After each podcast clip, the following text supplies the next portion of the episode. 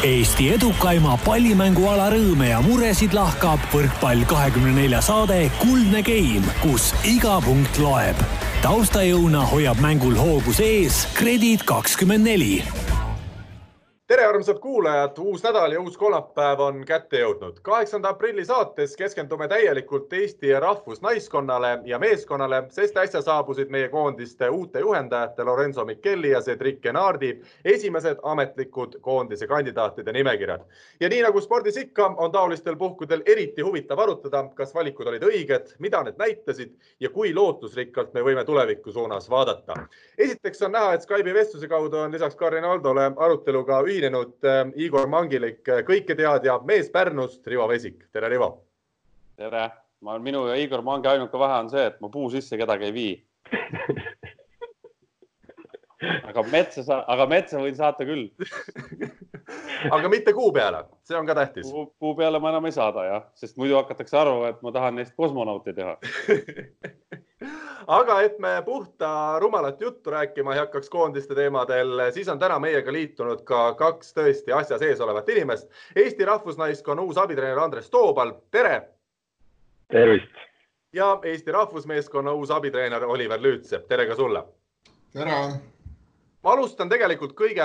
olulisema küsimusega. ma näen, Andrese puhul äh, on andnud oma mõju see koroonaviiruse levik ja see, et juuksuris käia ei saa. ei ole seda habet taetud, ei ole juukseid aetud, aga Oliver, räägi, tundub, et sina oled, oled selles suhtes hea erand, et juuksed on pügatud ja, ja habe ka, et, et näita ja, ja räägi meilegi, kuidas tänapäeval see asi käib. ja et äh kui sa mulle eile õhtul või täna hommikul helistasid, et äh, oleks vaja siia saatesse tulla, siis, äh, siis võtsin selle habemase ette, mida selle eriolukorra ajal polegi veel teinud, et äh, kuna väljas väga palju rahva sees liikuda ei saa, siis lasin nii-öelda huvi pärast kasvada. aga no nüüd ma arvan, lähedasemad inimesed on ka rahul, et natukene viisakam, viisakam Oliver vaatab neile vastu no nii Rivo, ma küsin alustuseks sinu käest. naistekoondise nimekiri, kandidaatide nimekiri on väljas ja meestekoondise nimekiri on väljas. me hakkame üksikasjalikult äh, eraldi naistest ja meestest rääkima, aga milline see üldmulje on sinul, kes sa oled nüüd ka kõrvaltvaatajana saanud need koondise nimekirjad teada? no suuri, suuri üllatusi ei ole seal. Äh, võib-olla meeste poole pealt on see, et et ei ole seal Lepikut ja võib-olla siis Rauno Tammet hetkel koondises, et need on sellised kohad, aga ülejäänud on, on ju need, kes peaks olema ja ja naiste poolt ka, et naiste poolt on tore on näha, et seal on palju noori just Audentases mm -hmm. spordigümnaasiumi tüdrukuid, et mm -hmm. aga, aga muidu suuri üllatusi ei ole jah Andres, tuleme selle juurde, et kuidas juhtus siis ikkagi nii, et sinust sai äh, nüüd siis ka naistekoondise abitreener. me teame, et sa ise ju tegelikult loodad veel mängijakarjääri jätkata, aga, aga kuidas see sündmus äh, või kuidas see kõik siis äh, nii läks praegu? no tegelikult jah, eks, eks ma üritan ikka ja, aga noh, minu see taastumine on peale seda viimast operatsiooni on, on, on väga pikk, et, et selles suhtes ja, ja kuidagi võrkpalli juurde tahad jääda, siis, siis see on nagu üks sellist hea nagu viisidest ja enda silmaringi ka nüüd natukene laiendada, avardada ja, ja tegelikult see jutt oli juba ütleme niimoodi, et sellisel hetkel, kui, kui, kui nende treenerite valikuga pihta hakati, siis tegelikult minuga natukene räägiti sellel teemal. aga, aga see, et ma ei osanud veel täpselt nagu vastata ja, ja, ja noh, ma jätsin selle nii-öelda pausile, siis pärast seda oli siin teised nimed õhus ja, ja, ja, ja, ja nüüd viimasel hetkel siis äh, Sten Esna oli kindlasti üks nendest kandidaatidest, aga ta ise lõpuks ei soovinud ja, ja, ja, ja tuldi minuga uuesti rääkima ja, ja arutasin ka natukene Raineriga läbi ja, ja tema mõtteid ja, ja ja, ja see andis niisugust head, head sellist vaadet nagu tulevikku, et, et õppida, õppida selliste treenerite kõrvalt, et, et kunagi ei tea ju, kas, kas ma siis mängida saan ja, ja natukene nagu tuleviku, tuleviku vaatel lihtsalt võtsin seda kui, kui jah, ma arvan, et see oli niisugune põnev väljakutse, eriti sellises praeguses olukorras Rivo, kuna sina oled äh, Steni hea sõber, siis oskad sa natuke neid tagamaid äh, võib-olla tavavaatajale ka selgitada, miks, miks Sten lõpuks äh, koondise tegemistest eemale jäi ikkagi? Jah, noh, ma arvan, et Sten, kui seda räägib, siis räägib ise, aga, aga ma tean, et pikalt ta arutas ja pikalt ta mõtles seda pakkumist ja ta tegelikult väga-väga tahtis minna, aga, aga ilmselt üks põhjuseks, üheks põhjuseks oli hetkel see majanduslik olukord, et mis majandusest saab ja kuidas alaliitudel ja asjadel hakkab minema, et ta täna läks, mina arvan, et Sten läks Eh, enda jaoks nagu kindlamat teed natukene. kuigi tal väga, me oleme pikalt rääkinud sellest, tal need plaanid olid väga ägedad ja, ja mõtted olid väga head, mida ta tahtis teha, aga, aga, aga kahjuks olukord on selline, nii et äh, jah, ma soovitan Steni enda käest küsida seda, et sealt saab täpsem vastus. Andres, sina oskad öelda, mis lepingu pikkus siis on, mis treeneritega tänasel päeval äh, sõlmiti? ega praegult on vaata igal juhul see olukord on ju selline noh, ei tea ju, millal alustadagi üldse, et praegult nagu saigi niimoodi paika pandud siin, et, et, et oleme nagu sellisel valmisolekul, et kohe, kui, kui võimalused tekivad, siis, siis hakkame pihta, et, et ega siin nagu pikkuses ei olegi nagu, ma arvan, mõtet rääkida, et, et katsume kõigepealt vaadata, mis see suvi toob ja, ja pärast seda suve saab ju edasi rääkida, et ega ega treenerid üksteisele on ju ka praegult tundmatud, on ju, kuidas see koostöö asi laabuma hakkab, et siin ju ei ole ju mõtet noh, samamoodi nagu mängijatega, et suht, eks see natukene selline kompamine käib ja noh, siin ei saagi öelda, et teeme nüüd tohutult pika, saabki, peatreener võib ju olla, aga peatreener peab enda kõrvale tekitama ikkagi niisuguse hea ja, ja, ja kindla, kindla siis sellise tiimi. Selge on see, et siin ei ole ju mõtet mitmeaastaseid lepinguid kohe niisuguste inimestega teha, kellega ta ei ole ju kokku puutunudki, et, et see kindlasti tekib siin selle suve lõpuks, et kuidas ja mismoodi jätkatakse, aga, aga see paistab hiljem jah Oliver, anname sulle ka vahelduseks sõna. ole hea, ütle, kuidas siis asjad lõpuks nii läksid, et sinust sai Eesti meestekoondise üks abitreeneritest. nii nagu Andres oli tegelikult naistekoondise selles nimekirjas üks üllatusnimi, nii olid sina siis samamoodi ikkagi üllatusnimi ilmselt tava, tavainimeste jaoks seal, seal meestekoondises. Äh, nojah, selles mõttes, et äh, jaanuarikuus äh, mingil hetkel peatreener võttis minuga ühendust ja ja pidasime mõned äh, telefonikõned äh, sellel teemal maha. enne seda tuli indikatsioon juba alaliidu poolt, et see kõne on varsti tulemas, et äh, päris üllatusena ta ei tulnud. rääkisime peatreeneriga,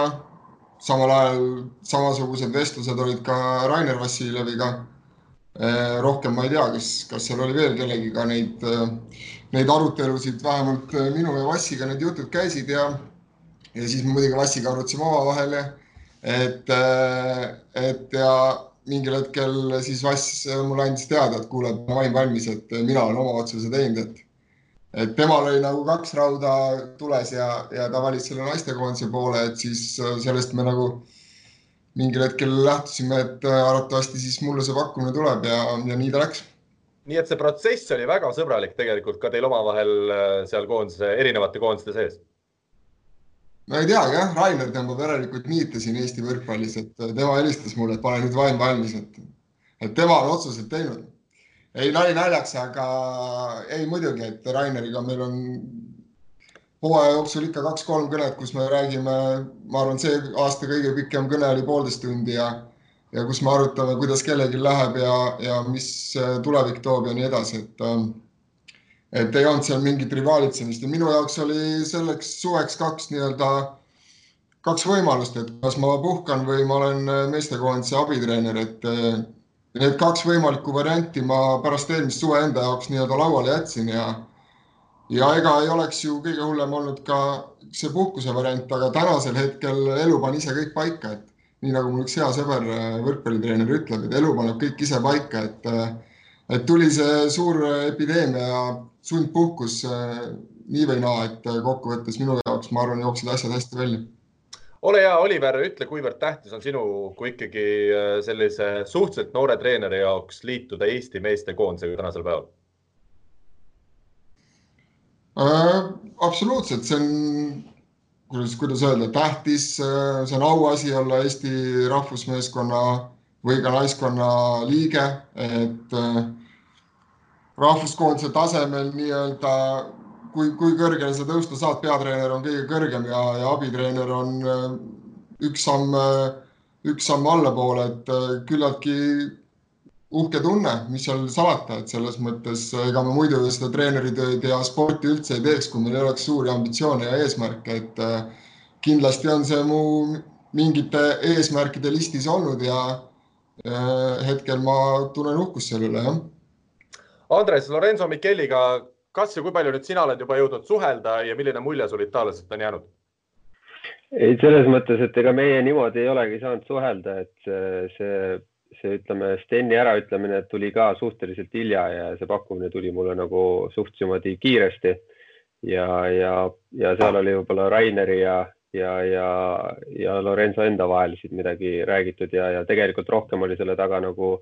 äh, Mihkel Sagar ka, kellega me nüüd oleme ju Selveris kogu aeg äh, koostööd teinud ja, ja tema on seal ka siis äh, see inimene, kes rohkem neid asju ajab ja, ja, ja see suhtlus käis sealtpoolt, et, äh,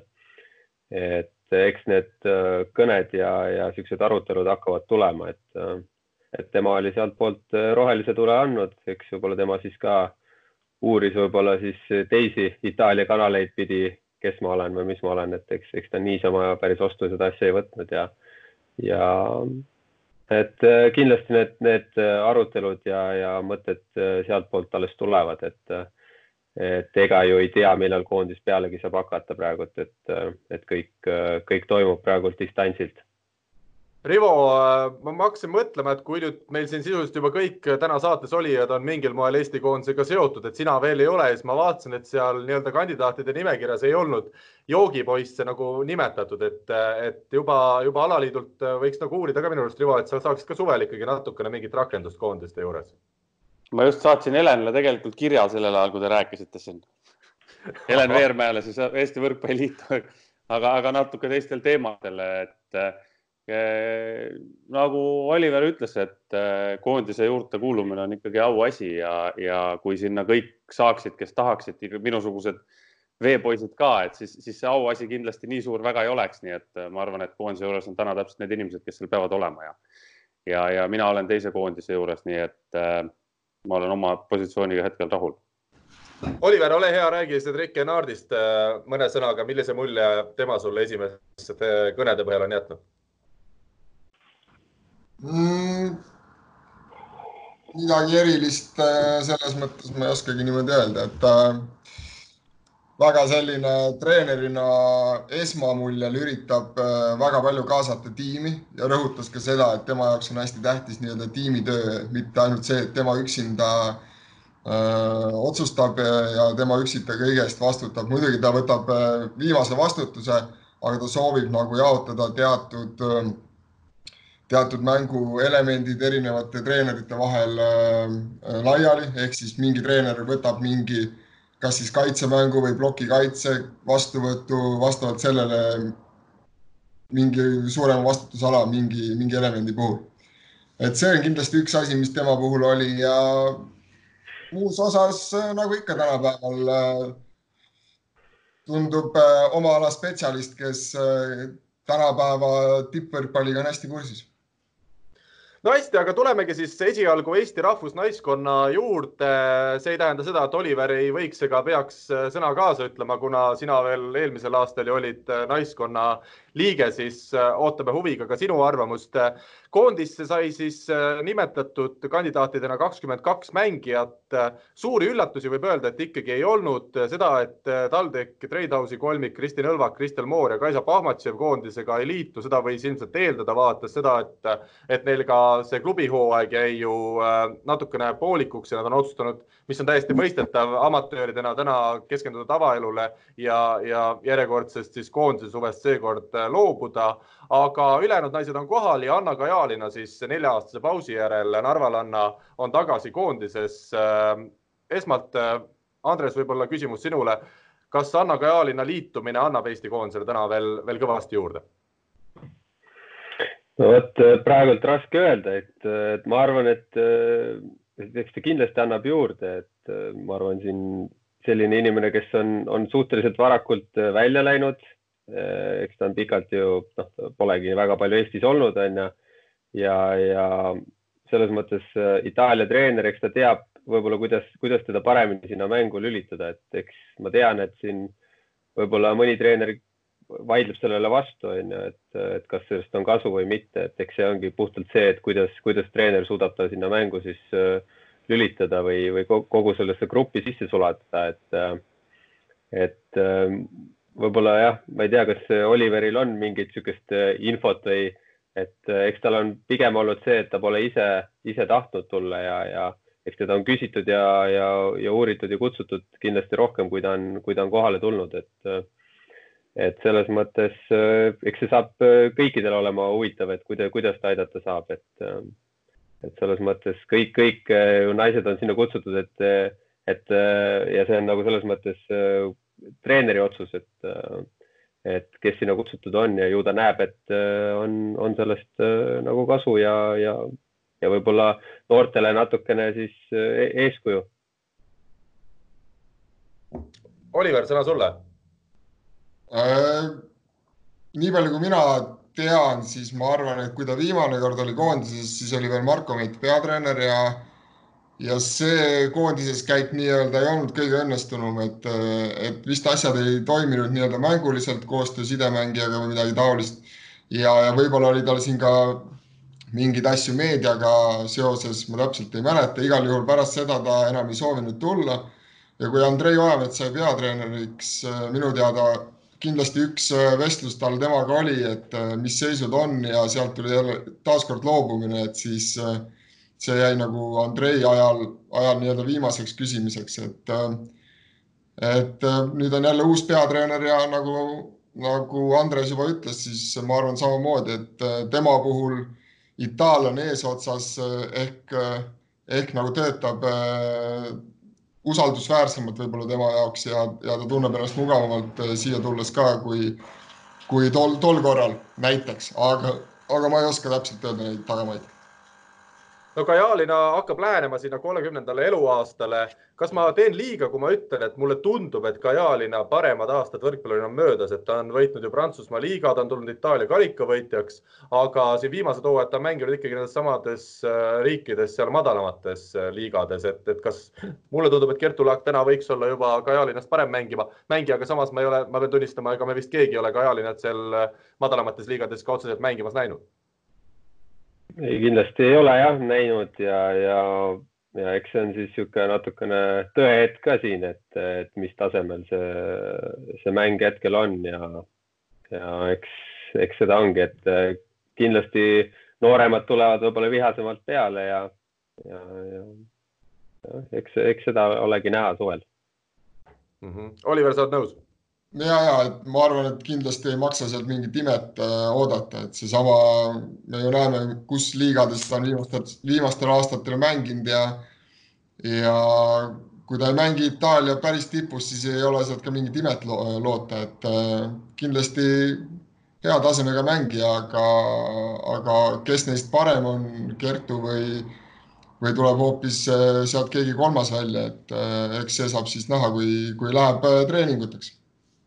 no Kristiine Miilen, Anu Ennok, Nete Peit, Kertu Laak, Julia Mõnnakmäe, Liis Kullergann, kõik nii-öelda põhitegijad on samuti rivis. Rivo, kes on sinu hinnangul kõrvaltvaates täna need Eesti koondise mängijad, kes, kellel see koondis nagu kõige rohkem toetub, kes on kõige olulisemad äh, hetkel meil? noh, eks see vastuvõtuosakond peab olema seal, et äh, ilmselt Anu Ennok ja,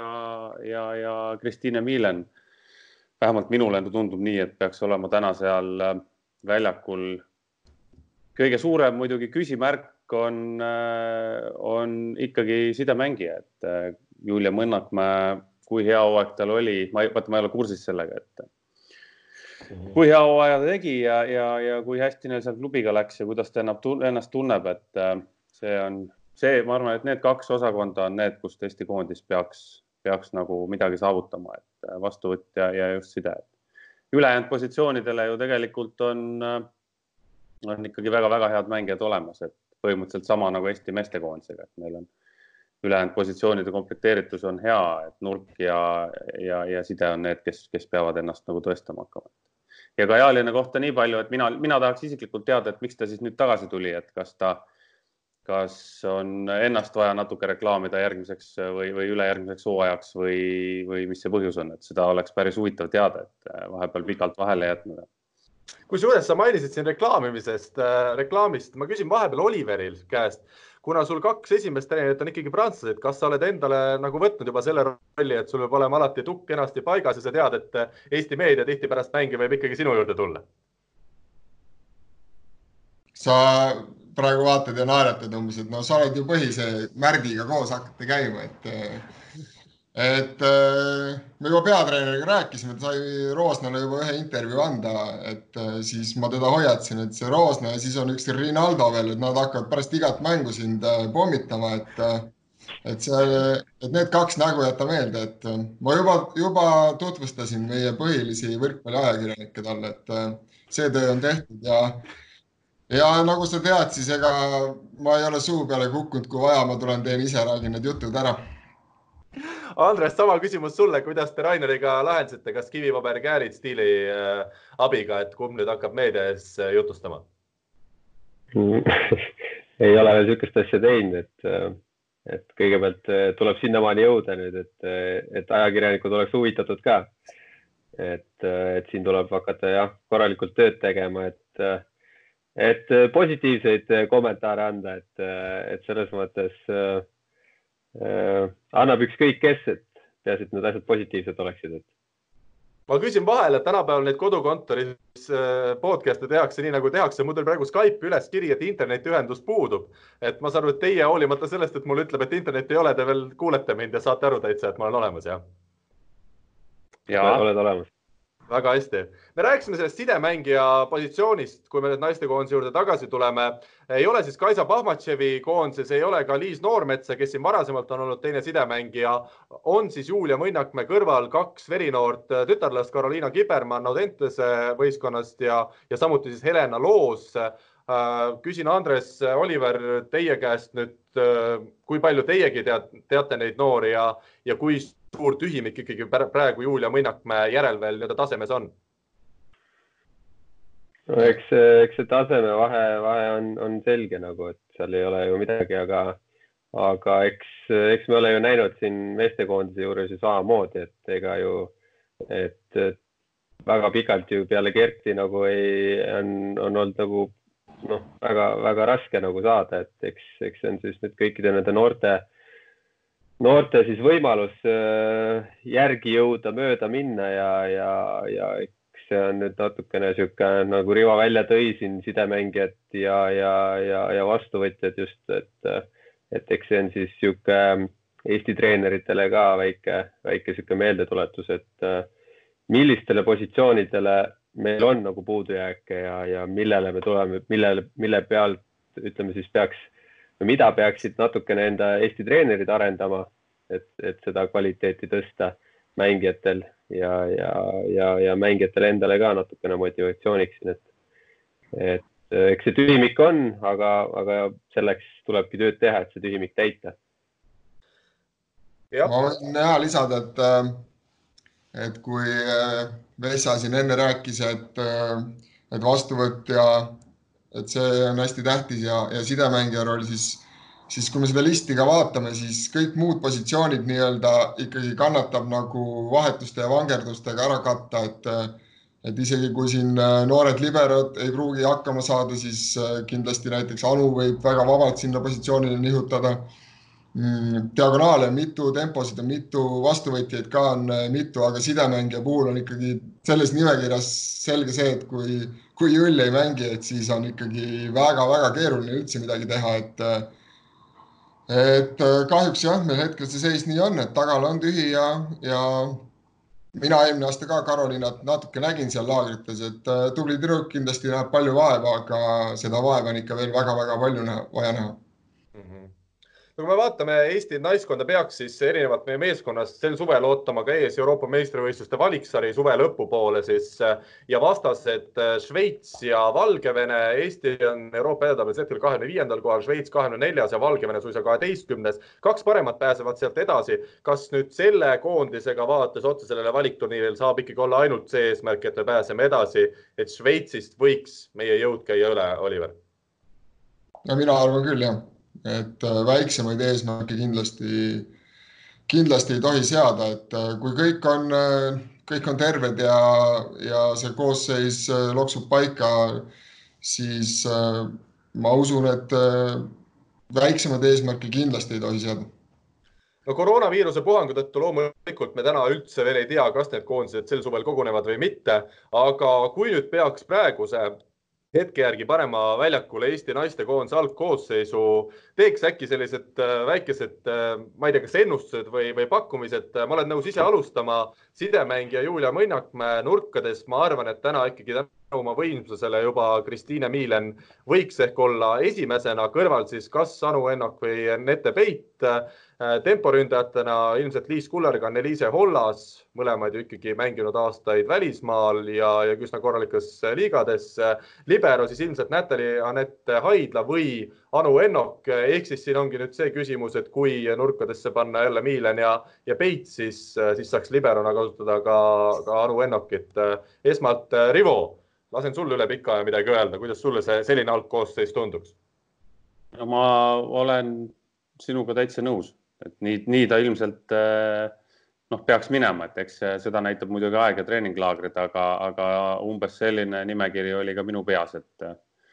sidemängija koha pealt kindel, esimese tempot, noh, peaks ka olema üsna kindlad, on ju. seesama, mis sa ütlesid siin, nurgad ja libero, et see on nüüd mõttekoht, et, et keda kuskil, kes kuskil nagu mingil hetkel kasulikum on ja diagonaalina siis unustasin vist mainida enne, et Kertu Laak oleks minu selline valik. Oliver, sul on täna hea võimalus, sa ei ole enam ise naistekoondisega seotud, sa ei pea kartma seda, et augustikuus tüdrukud tulevad, vaatavad otsa, ütlevad, Oliver, miks sa mind algkoosseisu ei taha panna. milline selle sinu optimaalne ennustus täna võiks olla või, või nägemus mm,? ma nõustun sinuga, mis sa, mis sa tegid, et äh,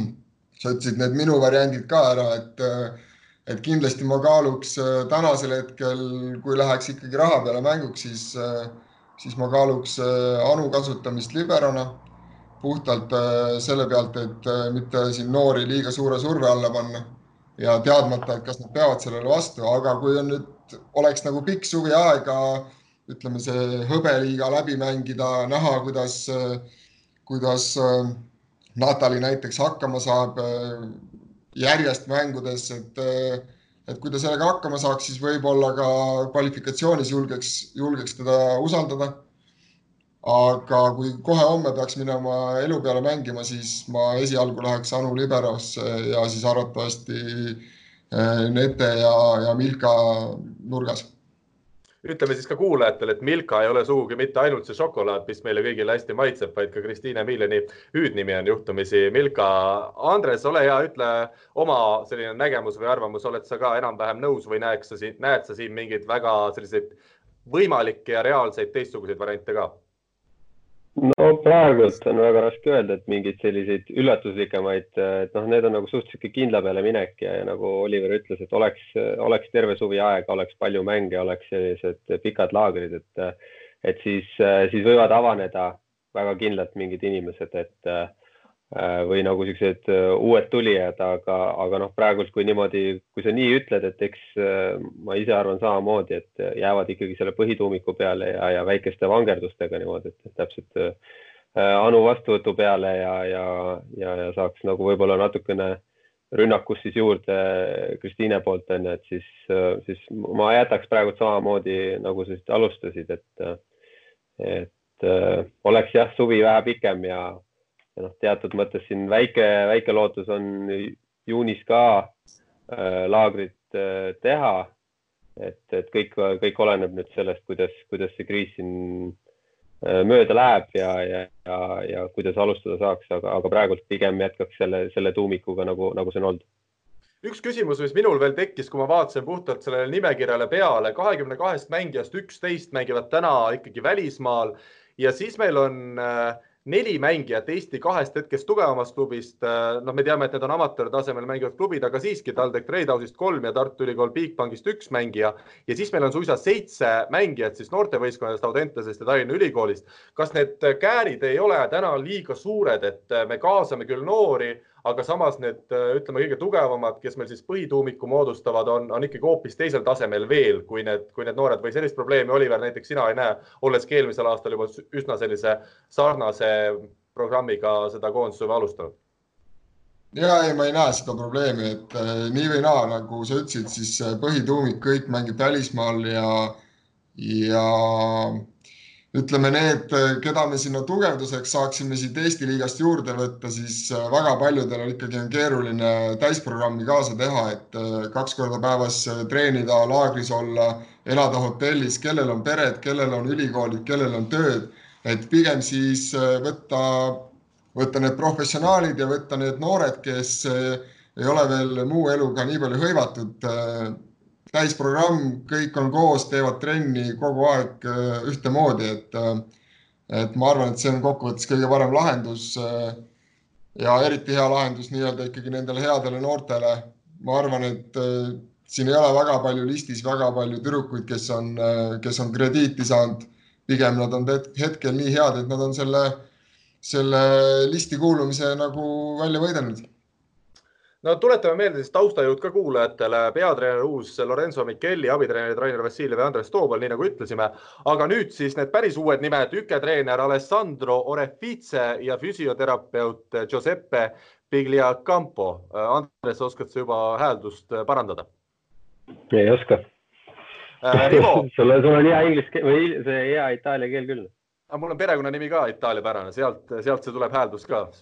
emapima kaasa. Rivo, milliseid itaaliakeelseid sõna, sõnu sina palju maailmas ringi rännanud mehena oskad Andresele kohe öelda, et millega tasub nüüd Lorenzo juurde võib-olla esimesel sellisel silmast silma kohtumisel vastu minna? no Andresel on ju terve aasta seda praktikat praegu selja taga põhimõtteliselt terve hooaeg. ta teab ise ka. Buongiorno Andres..., Buongiorno, Giuseppe ja pitsa ja värgid, noh nagu ikka pane meeter, õpi ära sõna pane meeter itaalia keeles. Nii, Andres, mis sõnad need itaalia keeles siis juba selged on? Äh, üldjuhul ikka tulevad need äh, ropud sõnad äh, esimesena, et ega, ega selles mõttes treen, treenerid ka vahest omakeskis ikka on, on emotsionaalsed ja eks need tuleb rohkem ja ega tegelikult neid itaaliakeelseid siukseid kas äh, kiitvaid või, või laitvaid äh, asju on tulnud ju ennemgi, et ega Gianni ju kasutas ka suhteliselt palju. kui ta vält-, tahtis vältida ingliskeelset äh, roppusi või, või, või niisugust kerget vandumist, siis, siis, siis oli, oli lihtsam lasta itaalse, itaaliakeelsed välja ja, ja seda enam, et Mirko Fassini oli ka ju seal kõrval mees, kes kõigest aru sai et, et siis äh, eks midagi ikka tead ja aga kas seda on vaja kasutada, see on, see on teine teema ja naiste teema lõpetuseks olgu ikkagi mainitud, et kui siin räägitud, sai juba räägitud niiditõmbajatest, siis Mihkel Sagar, ainus mees taustajõududest, ähm, kes siis on võrreldes eelmise naistekoondisega jäänud samaks. Oliver, julged sa kinnitada seda, et ei ole ühtegi asja, mida Mihkel koondises ei teaks? mõni ikka on. kui sa nii ütled see väga napisõnaliseks jäi praegu, Oliver, kahtlaselt napisõnaliseks jäi see vastus praegu ei saa, Mihklit ei tohi üle hinnata, tead, peab hoidma nii-öelda, ei tohi mugavaks lasta teda, et tal peab ikka olema ora kogu aeg. et ta ikka samamoodi edasi paneks, nagu ta siiamaani on seda teinud. väga hea, nii väga õige, vot Eesti-päraselt tõmbame teema lõpetuseks eh, ikkagi natukene tuure maha, eks ole. väga hea, ma arvan, et eh, kui Rivol siin enam midagi naistekoondise osas lisada ei ole või on, ei ole suurt midagi lisada, et äh, kahju muidugi, et mängida nüüd ei saa kohe ja, ja trenni ei saa teha, aga, aga tulevik näitab, et mis sealt tuleb ja, ja mis sealt ei tule. hästi, siis teeme siia vahele ära küsimusmängu ja läheme edasi juba meeste rahvuskoondise juurde. küsimusmängu toetaja on teamshield.com oma disainiga spordi ja vaba aja riided ja nüüd siis tuleme Team Shieldi küsimusmängu juurde. eelmisel nädalal oli meil külas Tõnis Niinemets. on väga meeldiv oli vaadata, et, et väga palju oli sellel saatel kuulajaid ja eks Tõnis kindlasti oskas neid kuulajaid ka kuulama meelitada ja, ja oli ka millest rääkida õnneks. aga küsimusmängus küsisime siis, kellega koos moodustasid Tõnis Niinemets ja, ja mina kahe tuhande kuueteistkümnendal aastal toimunud Mustamäe rannavoolukeskuse ehk Grade kakskümmend neli areena avamisel neljaliikmelise võistkonna show mängul mida peab nüüd tõsi siin tagantjärgi lisama, et see väljak oli olemas ka enne, aga kuna sealt tehti natukese suuremaks see asi ja pandi vist ka Grade kakskümmend neli areena talle nimeks, siis seda nimetati justkui avamiseks ja vihjena siis lisasime, et üks tuntud spordiajakirjanik oli üks nendest mängijatest ja teine oli näitleja, tänane näit-, teatrijuht. Äh, Oliver, äh, kas sina tead, kellega koos mina ja Tõnis siis sellel väga olulisel showmängul mängisime? ei tea, ei hakka pakkuma. väga hea Rivo, kas sina tahad proovida mm,? ei, ei taha minu arust Rivo olid sul ise kohal ka. olin, ma ei mäleta enam nii, nii ammuseid aegu. selge, ütleme siis ära, Hendrik Toompere juunior, juunior ja Peep Pahv olid need näitleja ja spordiajakirjanik. õige vastuse leidsid internetist üles või teadsid niisama üksteist inimest. Oliver, sina oled meil täna nii-öelda kõige rohkem saatekülalise rollis, ole hea, ütle üks number ühest üheteistkümneni. number neli. number neli Aare Alba on meie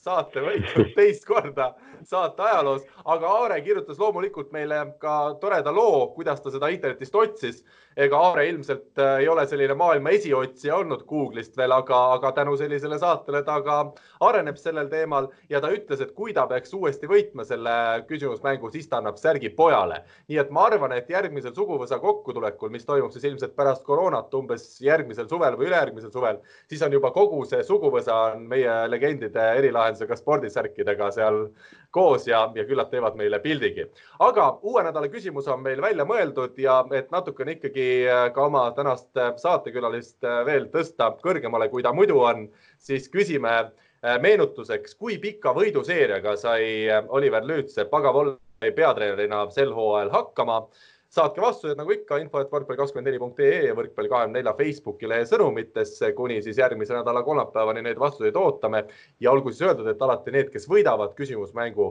neid äh, ootab juba ees äh, võrkpall24 portaalis võrkpallisaate alamrubriigi all selline info kuhu ja kuidas tuleb kirjutada, et see särk siis ka endale lunastada. meie aga läheme siit edasi järgmise teemaga ja see teema on meil Eesti rahvusmeeskond nii, rahvusmeeskond on samuti selgunud siis kõik need kandidaadid, kes Cedric Enardi käe all hakkavad äh, mängima, kui see koroonaviirus äh, peaks siin ikkagi lähiajal läbi saama. Rivo, sa kuidagi vahepeal vähemalt minu Skype'i siin ekraanil vahetasid kohta, räägi, kas see on mingi selline jälle Igor Mangilik äh, olukord või, või juhtus see juhuse tahtel? midagi siin elus ei juhtu juhuse tahtel, Karl, kõik on arvestatud. Feng Shui oli paigast ära Läksin jah, panin, keerasin natuke ennast päikese poole. No tuletame siis äh, kuulajatele meelde põhiasja, mis ilmselt siin ka seda koondist vaadates võib välja tuua, et Cedric Enard on ikkagi järgmise aasta EM-ile mõeldes ja ka sellele mõeldes, et see EM toimub ju meil siin kodus Tallinnas, äh, vähemalt alagrupi turniir ja võib-olla ka üks äh, play-off mäng, on võtnud kampa kõik kogenumad mehed eesotsas Gert Toobali, Keit Puparti, Martti Juhkami, Ardo Kreegi, Oliver Venno, Andrus Raadikuga kuidas teile see suures pildis see koondis tundub, Rivo, ma annan esmalt sulle sõna. no nagu ennem ütlesin ka, et ega sealt mingeid suuri üllatusi, üllatusi ei ole, et, et võib-olla seal nurgameestest on, kes välja jäeti, kes ei jäetud, aga noh, treeneril jälle on oma nägemus asjast ja, ja suht sama koosseis, mis eelmine eelmine EM, ainuke probleem minu silmis on see, et need kõik mehed on vanemaks jäänud, et äh, kuidas seal ja, ja ka liigad, kus nüüd see aasta mängiti äh,, ei olnud kõikidel just kõige paremad ja, ja hooajad olid ka nii nagu olid, on ju. ja, ja raskeks teeb kogu selle pulli minu arust see, et nüüd see suvi praktiliselt mängida ei saagi selle koondisega kokku, et kokku mängu poole pealt jääb kindlasti kõvasti, kõvasti puudu, aga aga on hea, et nad eelmine kord olid koos, et see nagu natukene stabiliseerib seda asja, et muidu oleks, oleks ikka päris raske niimoodi minna, et kui oleks enamus ikka uued näod ja, ja siis panna ilma mingisuguste trennideta asjadeta, et sest keegi ei tea, millal sinna saab trenni hakata tegema, aga, aga üldkokkuvõttes nagu uudiseid ei ole või selliseid üllatusi, et sama stabiilne, nagu ta oli eelmine kord või ebastabiilne, et eks seda jälle aeg näitab. Oliver, ole hea, räägi, kas see see mulje, mis jääb seda koondise nimekirja vaadates, et on ikkagi Enard võtnud selgelt oma esimeseks prioriteediks äh, selle järgmise aasta EM-finaalturniiri ja ta on ka selle valiku teinud siis lähtuvalt sellest, et, et järgmisel aastal tõesti maksimum välja võtta koondiselt, et kas seda te ka omavahel arutasite, kui te neid nimekirju paika panite? ja et äh, jutt on ikkagi kogu aeg käinud nii-öelda projektist äh, EM-finaalturniir et siis, äh, mis algab juba nagu selle suvega meie jaoks, et, äh, et äh, nii nagu sa just ütlesid, täpselt nii ongi. ja muidugi peatreeneril, eks nüüd esimene plaan oli meil selle, selleks suveks natuke teistsugune, et noh, nimed oleks olnud samad, aga lihtsalt kuidas me tänasel hetkel on see, et kui me ükskord kokku saame, siis kõik need mehed tulevad laagrisse, aga aga esimene plaan oleks teistmoodi, et äh, ütleme, niisugust noorem seltskond oleks äh, suve keskel teinud nagu omaette laagrit ja, ja, ja nii edasi, et, äh, et igal juhul peatreener tahab näha kõiki võimalikke variante oma silmaga üle saalis, et mis võimalused on ja, ja kes siis, kes siis hakkavad nii-öelda rohkem välja kooruma selleks, kes hakkavad valmistuma järgmine aasta seal finaalturniiriks kas kõik mehed nõustusid kohe koondise tulema ja kutse vastu võtma või tuli seal ka läbi arutada mingite meestega mingid küsimused? Äh, nagu, nagu teada, siis kaks meest on äh, kaitseväes, et nende puhul on see konks, et äh, arutasime ka juba, et võimalusel nad ikkagi mingil hetkel käivad laagrist läbi, et, et tutvust teha peatreeneriga ja, või üldse treeneritega ja, ja näidata, mis nad siis äh, natukegi noh, kui sa kaitseväest tuled, eks, mis sa seal ikka näitad, aga, aga nii-öelda väike tutvumine. ja noh, siin on vist Türgi on veel lahtine, et äh, seal ei ole hooaeg ära lõpetatud, et võib juhtuda, et siin äh, Olku peab suvel minema medalite eest mängima, et sel juhul tulevad ka mingid erijutud äh, Oliver Vennoga, et aga see kõik on nii lahtine, et, et lihtsalt täna ei oska selle kohta midagi öelda aga Robert Tähel on ju praegu sama seis, ma küsin vahele, Robert Tähel on ju praegu vist sama seis, et Itaalia liiga, me ei tea, kas, kuna ja millal üldse lõpeb, kuigi vaadates seda ikkagi epideemia levikut äh, seal Lõuna-Euroopas, siis mul tundub küll sada protsenti kindel, et seal ei jätkata mängimist. ja vist äh, Itaalias lihtsalt ei olegi nagu mingit kuupäeva, ma ei tea, kas on paika pandud, aga Türgis on vist reaalselt jutt ongi juulikuust, et äh, nad tahavad juulikuus mängida ära selle hooaja lõppu, et et seda on nagu juba seal nagu välja hõigatud, et kas see tuleb või ei tule, et eks siis saab näha ja kuulda. aga üldiselt ja, et mm, ma täpselt ei tea, et peatreener rääkis nii-öelda noh, varasemate põhimeestega ja kogenud meestega. mina rääkisin läbi nii-öelda nooremate meestega ja, ja need olid küll kõik väga motiveeritud ja, ja valmis kohe tulema sa mainisid siin kahte kaitseväkke minevat meest, need on siis Märt Tammearu ja Renet Vanker, ütleme selle ka kuulajatele ära. kas nemad ikkagi suudeti toppida sinna spordiroodu, et nad ei pea päris üheksa või üksteist kuud olema kaitseväes? ja ei, tänase seisuga peaks olema kõik korras, et, et neil on see juuli-august ja mingi osa võib-olla septembrist ja, ja siis saavad oma koduklubide juures normaalselt äh, jätkata. kas see võrkpalli sa paned, Oliver, neile isiklikult mõlemale sinna kaitseväe kotti, et, et see oleks olemas? Ei ole, ma ei tea, seda vist, ma ei tea, kas saab kaasa võtta või? et äh, Top, sa mäletad, me käisime koos, et kas meil võisime võrkpalli mm. kaasa võtta Kasamusse või ei võinud? ei tea, sellega seal kapis nii palju ruumi ka ei ole ja, ja siis, kui meie ajal oli, siis, siis kindlasti ei tohtinud, siis ju võeti kõik mobiilid ja kõik asjad ära, nii et äh, tänapäeval on luksus, sulle jäävad ju kõik asjad alles. no võib-olla, võib-olla saab siis, aga, aga ma ei usu, et sa seal mängida tohid sees vähemalt pigem on, ma arvan, vaja arutada seda, et, et kus Märt saab normaalselt trenni teha, et kui nad õhtuti välja saavad, ütleme paariks tunniks, et et kuna siin alustab näiteks Selver treeninguid, et kas on võimalik, et Märt käib, käib ja harjutab nendega või midagi taolist, et eks see on ka klubidevaheline kokkuleppimine, aga aga igal juhul tuleks vaadata, et meestel oleks võimalused olemas nii palju, kui, kui siis kaitsevägi võimaldab trenni teha kas sidemängija Renet Vanker viiakse ikkagi sidepataljoni? ma arvan, et nad mõlemad ikkagi lähevad sidepataljoni, jah, hea küsimus nii et Märdist on oodata ka võib-olla ikkagi vähe pehmemate kätega mees tulevikus. no Renet peab kellelegi sidepataljonis ette ka tõstma, nii et, et siis on Märt selleks, kellele ette tõsta kui nüüd tõsisemalt rääkida, Müncheni Bayerni võistkond oli siis üks esimestest Euroopa tippklubidest spordis, kes hakkas juba uuesti koos treenima, olgugi et ütleme, see pandeemia ju tegelikult veel oma haripunkti Euroopas ei ole jõudnud. kas nüüd tõsiselt on ka räägitud Eesti Võrkpalliliidu sees või treenerite vahel, et, et, et mingid sellised variant B-d, et kuidas ikkagi võiks koondis kokku tulla ja hakata koos harjutama, kasvõi siis nii, nagu mulle tundus, et seal Bayern harjutas, et oldigi suurte vahedega, tehti mingeid harjutusi, aga et vähemalt tehti koos ja, ja harjutati ikkagi. No täna tuli ka uudis läbi, et Inglismaal äh, Morinho läks kolme mehega parki trenni tegema ja seal ollakse väga verised äh, selle peale, et äh, ka klubi on pettunud, et, et, et selline nii-öelda reeglite vastane tegev, tegevus, et siin peab väga ettevaatlikult vaatama kõigepealt, et millised, millised reeglid on vabariigis kõigepealt ja siis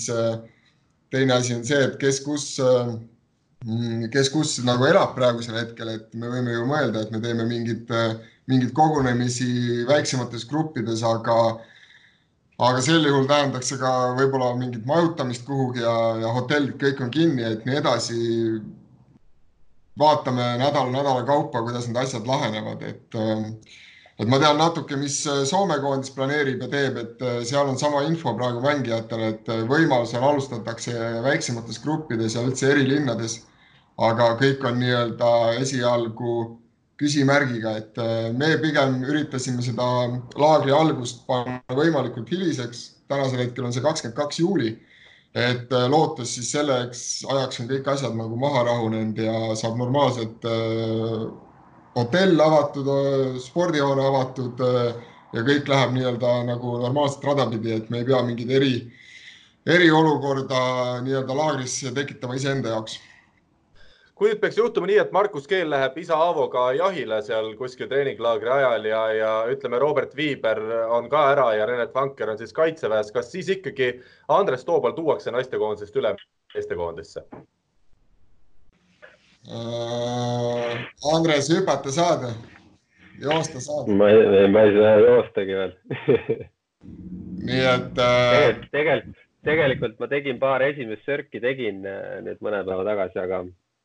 aga see on ka kõik.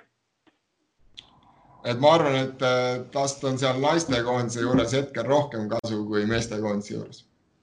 selge, väga hea, ilus äh, vastus. Läheme siis meestekoondisega edasi. praeguse kava järgi meie meestel siis ühtegi ametlikku mängu ei ole tulemas, kuna ilmselt ka Euroopa Kuldliiga jääb tänavusel aastal ikkagi ära küll siis praegu on planeeritud mingisugused äh, laagrid ja kontrollturniirid, me räägime siin siis juulikuu teisest poolest, augustikuust, kui ma olen õigesti aru saanud. Äh, kuidas äh, nüüd teile tundub, vaadates seda nimekirja, millised need kõige ohtlikumad kohad tänasel päeval on? Rivo, ma tean, sul on alati igal teemal konkreetne arvamus kõige ohtlikumad kohad on samamoodi nagu naistekoondisel on sidemängija ja ja siis nurgaründajad. et Minule... kui, kui äh, jah, räägi, Karl. minule tundub, et äh, kui me sidemängija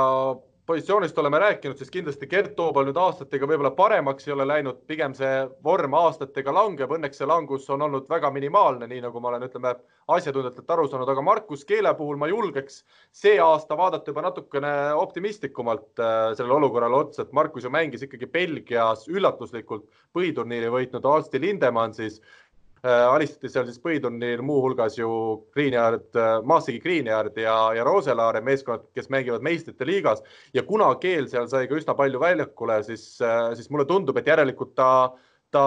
on seal rahvusvahelisel tasemel või on sinna juba väga lähedale jõudmas. eks seda ole näha jälle, et Gert on täna ikkagi, ikkagi minu, mina, mina arvan, et ta on parem ja mitte natuke parem, vaid ikka palju parem, et aga Markus kindlasti areneb edasi ja eks seda näitavad need kontrollkohtumised, mis on ja mis ei ole, aga minu kartus on ikkagi see, et kui Gerdil on kehva päev või, või Gerdiga kuskil midagi peaks juhtuma, siis, siis järgmine posit-, järgmine mängija on, on meil ikkagi nõrgem, kõvasti nõrgem. samamoodi nurgaründajatega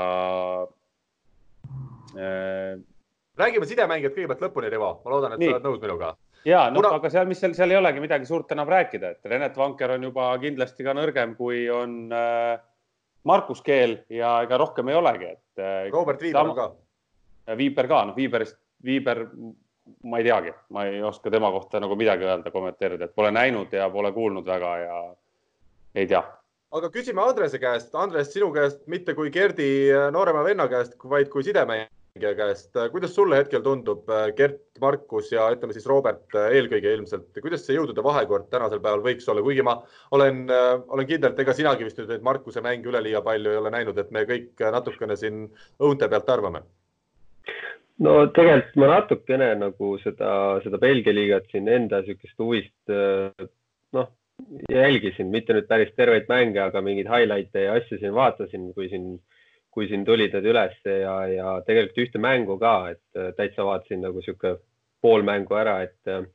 et selge see, et, et, et Belgia liigas see on niisugune ebamugav liiga, et, et me tegelikult eile siin Rivoga sel teemal korraks arutasime ka, et et see on niisugune, niisugune liiga, et äh, seal on kindlasti kolm niisugust vähe või neli niisugust tugevamat võistkonda ja siis, siis on natuke nõrgemad, aga nad on hästi-hästi ebamugavad, et sa pead olema, et Raimo Päevusalu minu arust on ka kunagi kommenteerinud seda, et noh, sa ei saanud nagu mitte kunagi lõdvaks lasta ja ma arvan, et see on andnud päris palju Markusele juurde. et loomulikult me nüüd näeme nagu, kuidas ta, kuidas ta koondises nagu toime tuleb ja tegelikult äh, selle väikse vihje, et samm on edasi tehtud, andis ka see Hollandi vastu mäng Tartus, kus, kus seal natukene need nooremad mehed äh, said, said platsile ja, ja. Me räägime siis eelmisest kevadest Euroopa kuldliiga, eks ole, sellest äh, alagrupi turniirist. just, et, et seal oli näha, et tegelikult nagu on nad valmis küll, noh, see lihtsalt point ongi praegu selles, et, et, et see oli üks mäng et, et kas sellist stabiilsust, et kui on vaja nüüd mitu mängu järjest mängida ja, ja see, see niimoodi tuleb, onju et kindlasti sealt on see, see vahe on nagu Gerdiga võrreldes väiksemaks läinud. Viiberist kahjuks praegult nagu ei tea eriti midagi, et, et eelmine aasta äh, nii palju, kui ma, ma ise seal koondise juures olin ja, ja nägin neid trennides, siis äh,, siis äh, võib-olla natukene ise lootsin rohkem, et pärast seda aastat seal Tšehhis äh, ma lootsin, et natukene on Viiber noh, vähe pikema sammu edasi teinud, et, äh, et see aasta nüüd nüüd näeme, kuidas sellega lood on, et temast nagu väga palju midagi kuulda ei ole olnud, et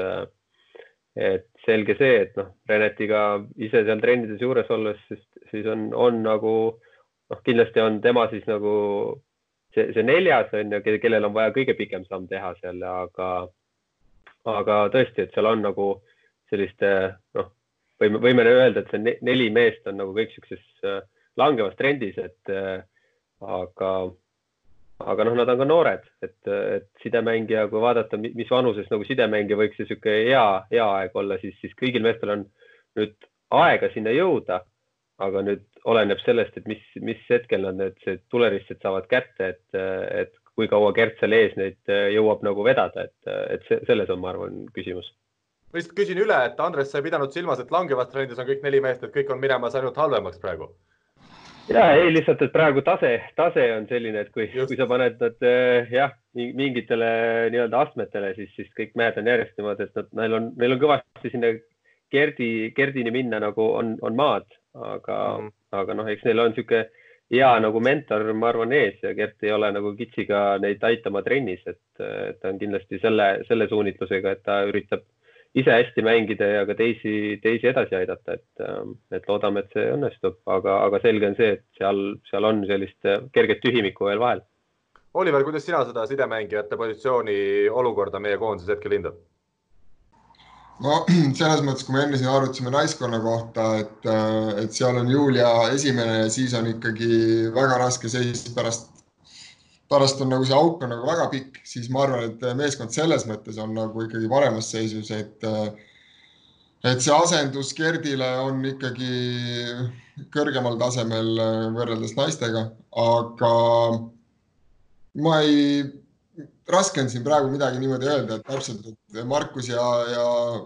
Viiber, et kui palju nad on edasi arenenud, et ei ole meist keegi, ma arvan, neid mänge nii põhjalikult vaadanud, et ainuke kahju on see, et äh, ongi see jälle see Euroliiga jääb ära ja neid mänge tuleb nii palju vähem, et, äh, et oleks saanud siin ühele või teisele mehele Gerdi kõrvalt anda mängu, mänguaega ja seda kogemust on neil vaja ja just, just nimelt selle nagu koondise eest mängides ja, ja nende meestega mängides, et üks asi on see, et treenerid saavad äh, parema pildi mängijatest ette, teine asi on see, et needsamad mängijad saavad seda kogemust ja, ja, ja koondisest väljakul olemist, et, et siis nagu ikka, mäng on see kõige parem, mitte trenn, aga aren-, arenemise koht mm. -hmm no ma ütlen siis kiiresti ära ka, Gert Toobal tänavusel hooajal Tartu Bigbankis mängis Markus Keel, nii nagu ütlesime, Alsti Lindemann siis Robert Viiber Tšehhis, Odolena Vodas ja Renat Vankel siis Tallinna Selveris. nüüd võtame ka ette selle kuulsa nurgaründajate positsiooni, oleme siin ka oma saates varasemalt rääkinud, et meil nurgaründajaid on täna ikkagi koondises nii-öelda kandideerimas, võib vist öelda rekordiliselt palju, me siin kunagi lugesime kokku, neid oli kuskil seal kümme-viisteist aga, aga valikusse siis lõpuks jäid sellised mehed, Robert Täht loomulikult Perugia äh, võistkonna liige, Kristo Kollo Rumeenias äh, Galatis, siis meil äh, oli siin Keit Pupart Saaremaa võrkpalliklubist, Albert Hurt, Märt Tammearu, Stefan Kaibalt Tartu Bigbankist, Andrus Raadik Tuneesia liigast Sfaxini võistkonnast ja Mart Juhkami siis Friedrichshafenist. Rivo, ole hea, ütle, milles sinu mure tänasel hetkel seisneb seoses nende nurgaründajatega? minu mure esiteks seisneb selles, et, äh, et nagu ma ütlesin, et siin mehed jäävad järjest vanemaks ja, ja kus nad jää, nüüd järgmine hooaeg mängima hakkavad, seda ei tea keegi, millistes liigades. Rumeenia liiga ei ole maailma kõige tugevam. see, kus Raadik mängis pool hooaega vireles ta seal Türgis, siis läks Tuneesiasse, noh, ka jälle selline küsitav on ju, mis tase ja kuidas seal on, kuidas nende trennidega ja asjadega seal lood on. Robert istus põhimõtteliselt terve hooaja pingi peal, hea küll, ta sai trenni teha kõrgel tasemel, aga mängukogemust nagu ta sealt suurt, suurt ei saanud. Äh, noh, Marti oli vist täna ainuke selline, kes mängis keskmise tugevusega, hea, hea tugevusega liigas ja, ja mängis ka, et, et tegi seal Saksamaal korraliku hooaja. Keit Pupart kah pole esimeses nooruses Saaremaal mängis Eesti liigas, palju sa neid tugevaid mänge saad, on ju Euroliigaga oli ka, läks nii nagu läks, et tegelikult ega neil seal ju tugevaid vastaseid ei olnud, et äh, välja arvatud siis see viimane kurikuulus Itaalia klubi, et ülejäänud ju olid ikkagi nende jaoks ka see, ka see Hispaania võistkond tegelikult oleks pidanud nende jaoks olema lihtne võit, et, et äh, minu kõige suurem mure ju küsimus on see, et äh, et kui heal, heal tasemel nad siis lõppkokkuvõttes ikkagi on peale seda hooaega, kus olid liigad sellised küsitavad ja, ja peale seda, kui nüüd suve ka ei tule vahele põhimõtteliselt ja mis saab järgmisest hooajast, et see, see ongi minu kõige suurem nagu küsimus. no Robert Tähe puhul ma küsiksin sinu käest üle seda, et sa ütled, et alati see mängimine on tähtsam kui treenimine, samas kui me vaatame puhtalt neid kordusi, et nädalas teevad, eks ole, meeskonnad trenni, ütleme pallitrenni viis-kuus korda võib-olla orienteeruvalt, aga mänge on nädalas ikkagi reeglina üks. et kui Robert sai aasta läbi treenida maailma ühe parema, kui mitte parima võistkonnaga, kus sul oli igale positsioonile väga kõvad vastased. Äh, et kas siis see, see ei tähenda ka seda, et ta ikkagi isiklikult kindlasti võis siin edasi minna. Oliver, ma näen, sul on ka juba näpp püsti. No nii nagu sa õpetasid äh, saate alguses, et tuleb näpp püsti panna, et siis me ei hakka üksteist segama Äh, ja, aga kui sa nüüd Robbie käest küsid, et kui palju nad äh, reisisid siin hooaja jooksul, eriti Just. kui Champions League oli nagu alagrupi faasis ja nii edasi, et kas neil ikka jäi viis-kuus korralikku trenni, et et pigem on see, et nad mängivad ära, siis nad reisivad, siis on mingi taastav treening, et et ei pruugi neid korralikke mänguli, mängulisi trenne nii palju kindlasti tulla. pigem on neid kaks-kolm nädala jooksul ja kui sa mängida ei saa, siis, siis mäng on ikkagi teine asi. väga hea, Oliver. sama, see sama, mis ma tahtsin öelda, et minu arust eelmine saade, kui me tegime või siis, kui meil oli Robert Täht, siis ka tema kurtis just seda poolt, et ta ütles, et ta ei saanud tegelikult teha trenni. sest trennid olid ka nii, et osad seal olid trennis, osad ei olnud, sellist meeskondlikku trenni oligi ülivähe, et, et see ongi see point, et miks mina mõtlen just ka Robert Täht, et tema jaoks või nagu Eesti koondise jaoks ei olnud äh, Robert Tähe hooaeg nagu ideaalne või kõige parem. Mm -hmm.. okei. Okay., äh, võtame järgmised mehed, äh, kõigepealt need, kes siis nurgaründajatest eemale jäid, ütleme Rauno Tamme vist nii nagu me siin eile ka omavahel natukene põgusalt rääkisime, et kui ei ole Rauno Tammet koondises, siis on nagu natuke imelik tunne, et Andres, sina oled seal koondises sees olnud, et tema vist oskab sedasi meeleolu luua ja samas ta oli ka alati selline mitmekülgne mees, kes esialgu tuli liberona koondisse ja EM-il käis juba nurgaründajana siin eelmisel sügisel ja et, et minu, minu sõber Rauno Tamme, et äh, selles mõttes jah. meie kõigi sõber, Andres, meie kõigi sõber. just, just, et, et selles mõttes jah, temaga oli no, tore, et teda on niisugune võistkonnamees ka, et ta ei, ta kunagi ei pahanda, kui ta isegi platsi peale ei saa, aga, aga ta hoiab sellist toredat võistkonna vaimu üleval, et ma, ma siin tegin nalja, et kui Tammet ei ole, no siis ei ole midagi, et siis, siis on ebaõnnestunud kõik, aga ei, tegelikult ähm, tegelikult ma ise Tammega rääkisin ka, et ega ta, ta ütles, et loomulikult, et kui oleks saanud, siis ta oleks läinud ja aidanud nii palju, kui oskab ja, ja, ja, ja saab, et äh, aga, aga noh, see on selline valik ja eks ega tal ka lihtne hooaeg selles mõttes ei olnud seal Saaremaal, et, et mängida noh, alguses võib-olla veel, aga pärastpoole ikkagi jäi väga-väga-väga väheseks, et ja et korraks veel siin kui Rivo ütles Rumeenia kohta, et siis ma arvan, et Rumeenia tegelikult viimaste aastatega on päris, see tase on päris palju kõvemaks läinud, et ma, ma tahaks loota, et Kollol olid, kui nii palju, kui ta mängida sai, et need olid nagu korralikud mängud, et tegelikult ise nagu natukene siin uurinud Rumeeniast ja kuna mul siin paar aastat tagasi oli endale pakkumine, siis ma käisin läbi need, need võistkonnalistid, et tegelikult see Rumeenia liiga, ma arvan, et on viimase kolme-nelja aasta jooksul päris kõvasti üle läinud, üles läinud, et, et ähm, aga noh, väiksed sellised, mitte üllatused, aga, aga seal nurgaründajate osas jah, ega sinna võib, võib ju panna sinna veel mõnda teist mehi, aga, aga ma nüüd ei, ei oskaks öelda küll, et kes nagu mänguliselt kohe siis annaks nii palju juurde, et, et see valik oleks nagu õigem, et loomulikult Selveri treenerina, noh, ma tean, et äh, Oliver Orav on enda asjadega seotud ja ta ta ei, ta tõenäoliselt ei osaleks seal onju. Karli Allik oli kindlasti tohutult motiveeritud selle, selle nimel, et, et sinna uuesti saada ja pääseda. ja, ja ta on niisugune hull tööinimene ka, et ma ise natukene lootsin, et, et ta saab selle uue võimaluse pärast, pärast mõnda aastat siin seda pausi, kui ta, kui ta sealt äh, koondises viimati oli. ja, ja aga noh, selles mõttes, et osa kindlasti oligi, see oli lihtsalt see, kus, kes treener arvas, et, et sinna treenerid äh, arvasid, et kes sinna peaks kuuluma ja, ja eks igalühel on võib-olla oma mingi väike strateegia taga. kindlasti ma arvan, et on Stefan Kaibalt ka see inimene, kes võib veel libero positsiooni mängida vajadusel ja nii edasi, et äh,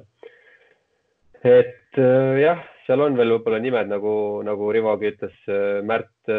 kes, kellest jah, väga palju nagu loodeti, võib-olla ei olnud nii särav, kui, kui, kui, kui taheti, loodeti ja, ja, ja nii edasi, et aga noh, praegult ongi, meestel on uued võimalused, noh, Märdil küll mitte võib-olla, aga, aga need on loogiline valik, aga, aga eks see ongi see, et see, see koht on nüüd vaja nüüd päris, päris palju edasi, edasi, edasi minna Oliver, ma küsin sinu käest, äh, kui me räägime ikkagi sellest, et meil tänasel päeval mängivad paremad mehed äh, välismaal, noh, kui me nüüd jätame Gerdi ja ütleme Keidi kõrvale, kes, äh,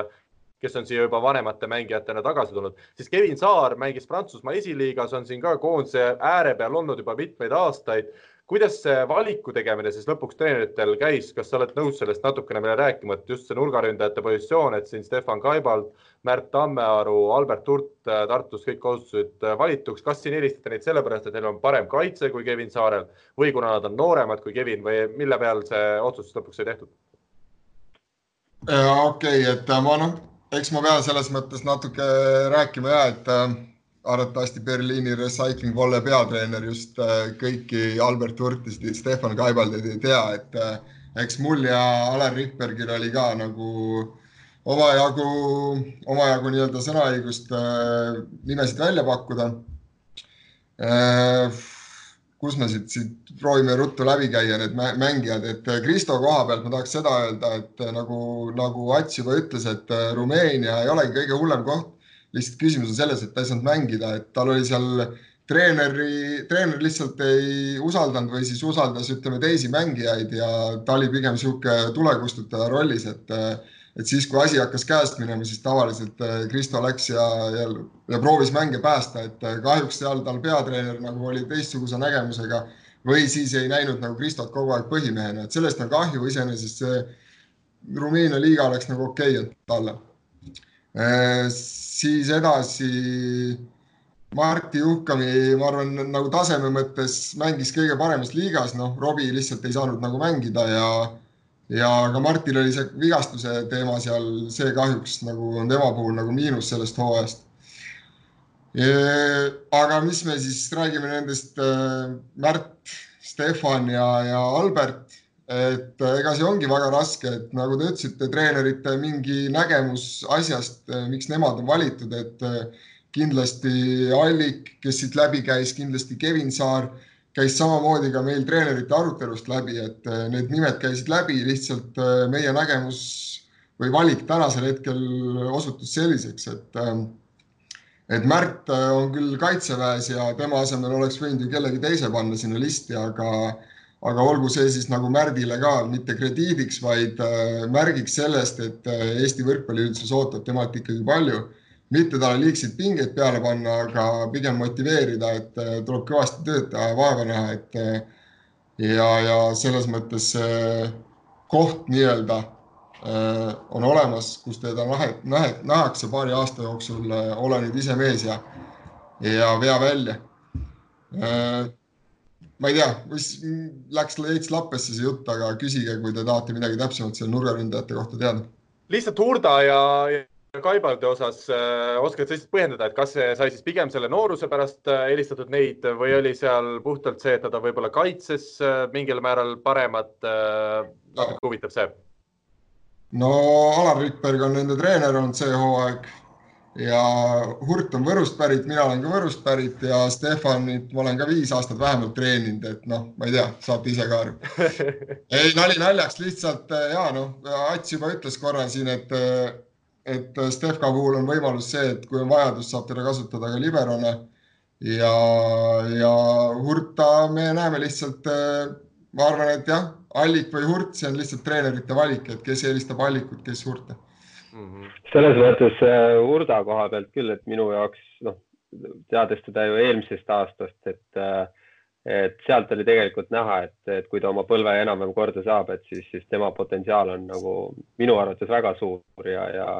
ja tegelikult äh, need mängud ju Tartu all näitasid, et, äh, et ta, ta on, ta on võimeline ja, ja tegelikult on ju alles nii noor ka, et, et äh, selles mõttes Hurt oli minu jaoks nagu just nagu väga-väga õige valik ja, ja ma seal nagu isegi ei näe põhjust, et miks kellegiga nagu võiks vahetusse minna. et ma arvan, et tema on täielikult selle ära teeninud. kas Albert Hurt on tänasel päeval üks Eesti alahinnatumaid võrkpallureid, võib nii öelda või? kuidagi räägitakse ikka, ikka, ikka Märt Tammerust räägitakse ju, ju rohkem ja ma kindlasti võin siin endale ka tuhka pähe raputada, et, et rohkem artikleid kindlasti viimase aasta jooksul on ilmunud Märt Tammerust kui, kui Albert Hurdest. aga miks ta alahinnatud sellepärast on? no et äh, Andres ütleb, et tal on äh, väga palju potentsiaali, seda ma pean silmas. Aga miks ta alahinnatud, ta ei ole absoluutselt alahinnatud minu arust, see, et kelle, kellestki kirjutatakse rohkem või vähem, see ei tähenda, et mängija oleks alahinnatud, Albert Hurt oli oli põhimõtteliselt kogu aeg väljakul see hooaeg, praktiliselt terve hooaeg oli väljakul, et ma ei ütleks küll, et ta väga alahinnatud mängija on, võib-olla ta, ta ei... ise ei otsi ja, ja lihtsalt ei, tema teeb oma tööd, ta ei otsi võib-olla tähelepanu nii palju. et täpselt ongi see, et ma arvan, et igale mehele see tunnustus ongi see, kui ta on seal platsil ja ta on seal pidevalt ja, ja ei ole vaja teda välja võtta, et ma arvan, et see on iga spordimehe rohkem tunnustus kui see, kui keegi, keegi teine neid reklaamib. Selge, aga liigume edasi, võtame siis temporündajate osakonna. Mulle tundub, et kuna meil siin Meelis Kivisillad ja Siim Ennemuistid on ikkagi suuremast võrkpallist taandunud tänaseks, siis ega siin väga suurt sellist küsimust ei olnud. mehed, kes siis valituks osutusid, olid äh, Ardo Kreek, praegu siis veel lõppenud hooajal mängis Pariisi volleis, Timo Tammemaa Tuursimees, samuti Prantsusmaalt, Andri Aganits siis Maassegi Greenyardi mängija Belgias, Henri Treial tänavu mängis Saaremaa võrkpalliklubis, Mart Naaber Soome Saga volleis, siis Oliveri Käal ja Alex Saaremaa siis Tartu Bigbankis üheksateist aastane ja kaheksa, kahesaja kaheksa sentimeetrine vist tempomees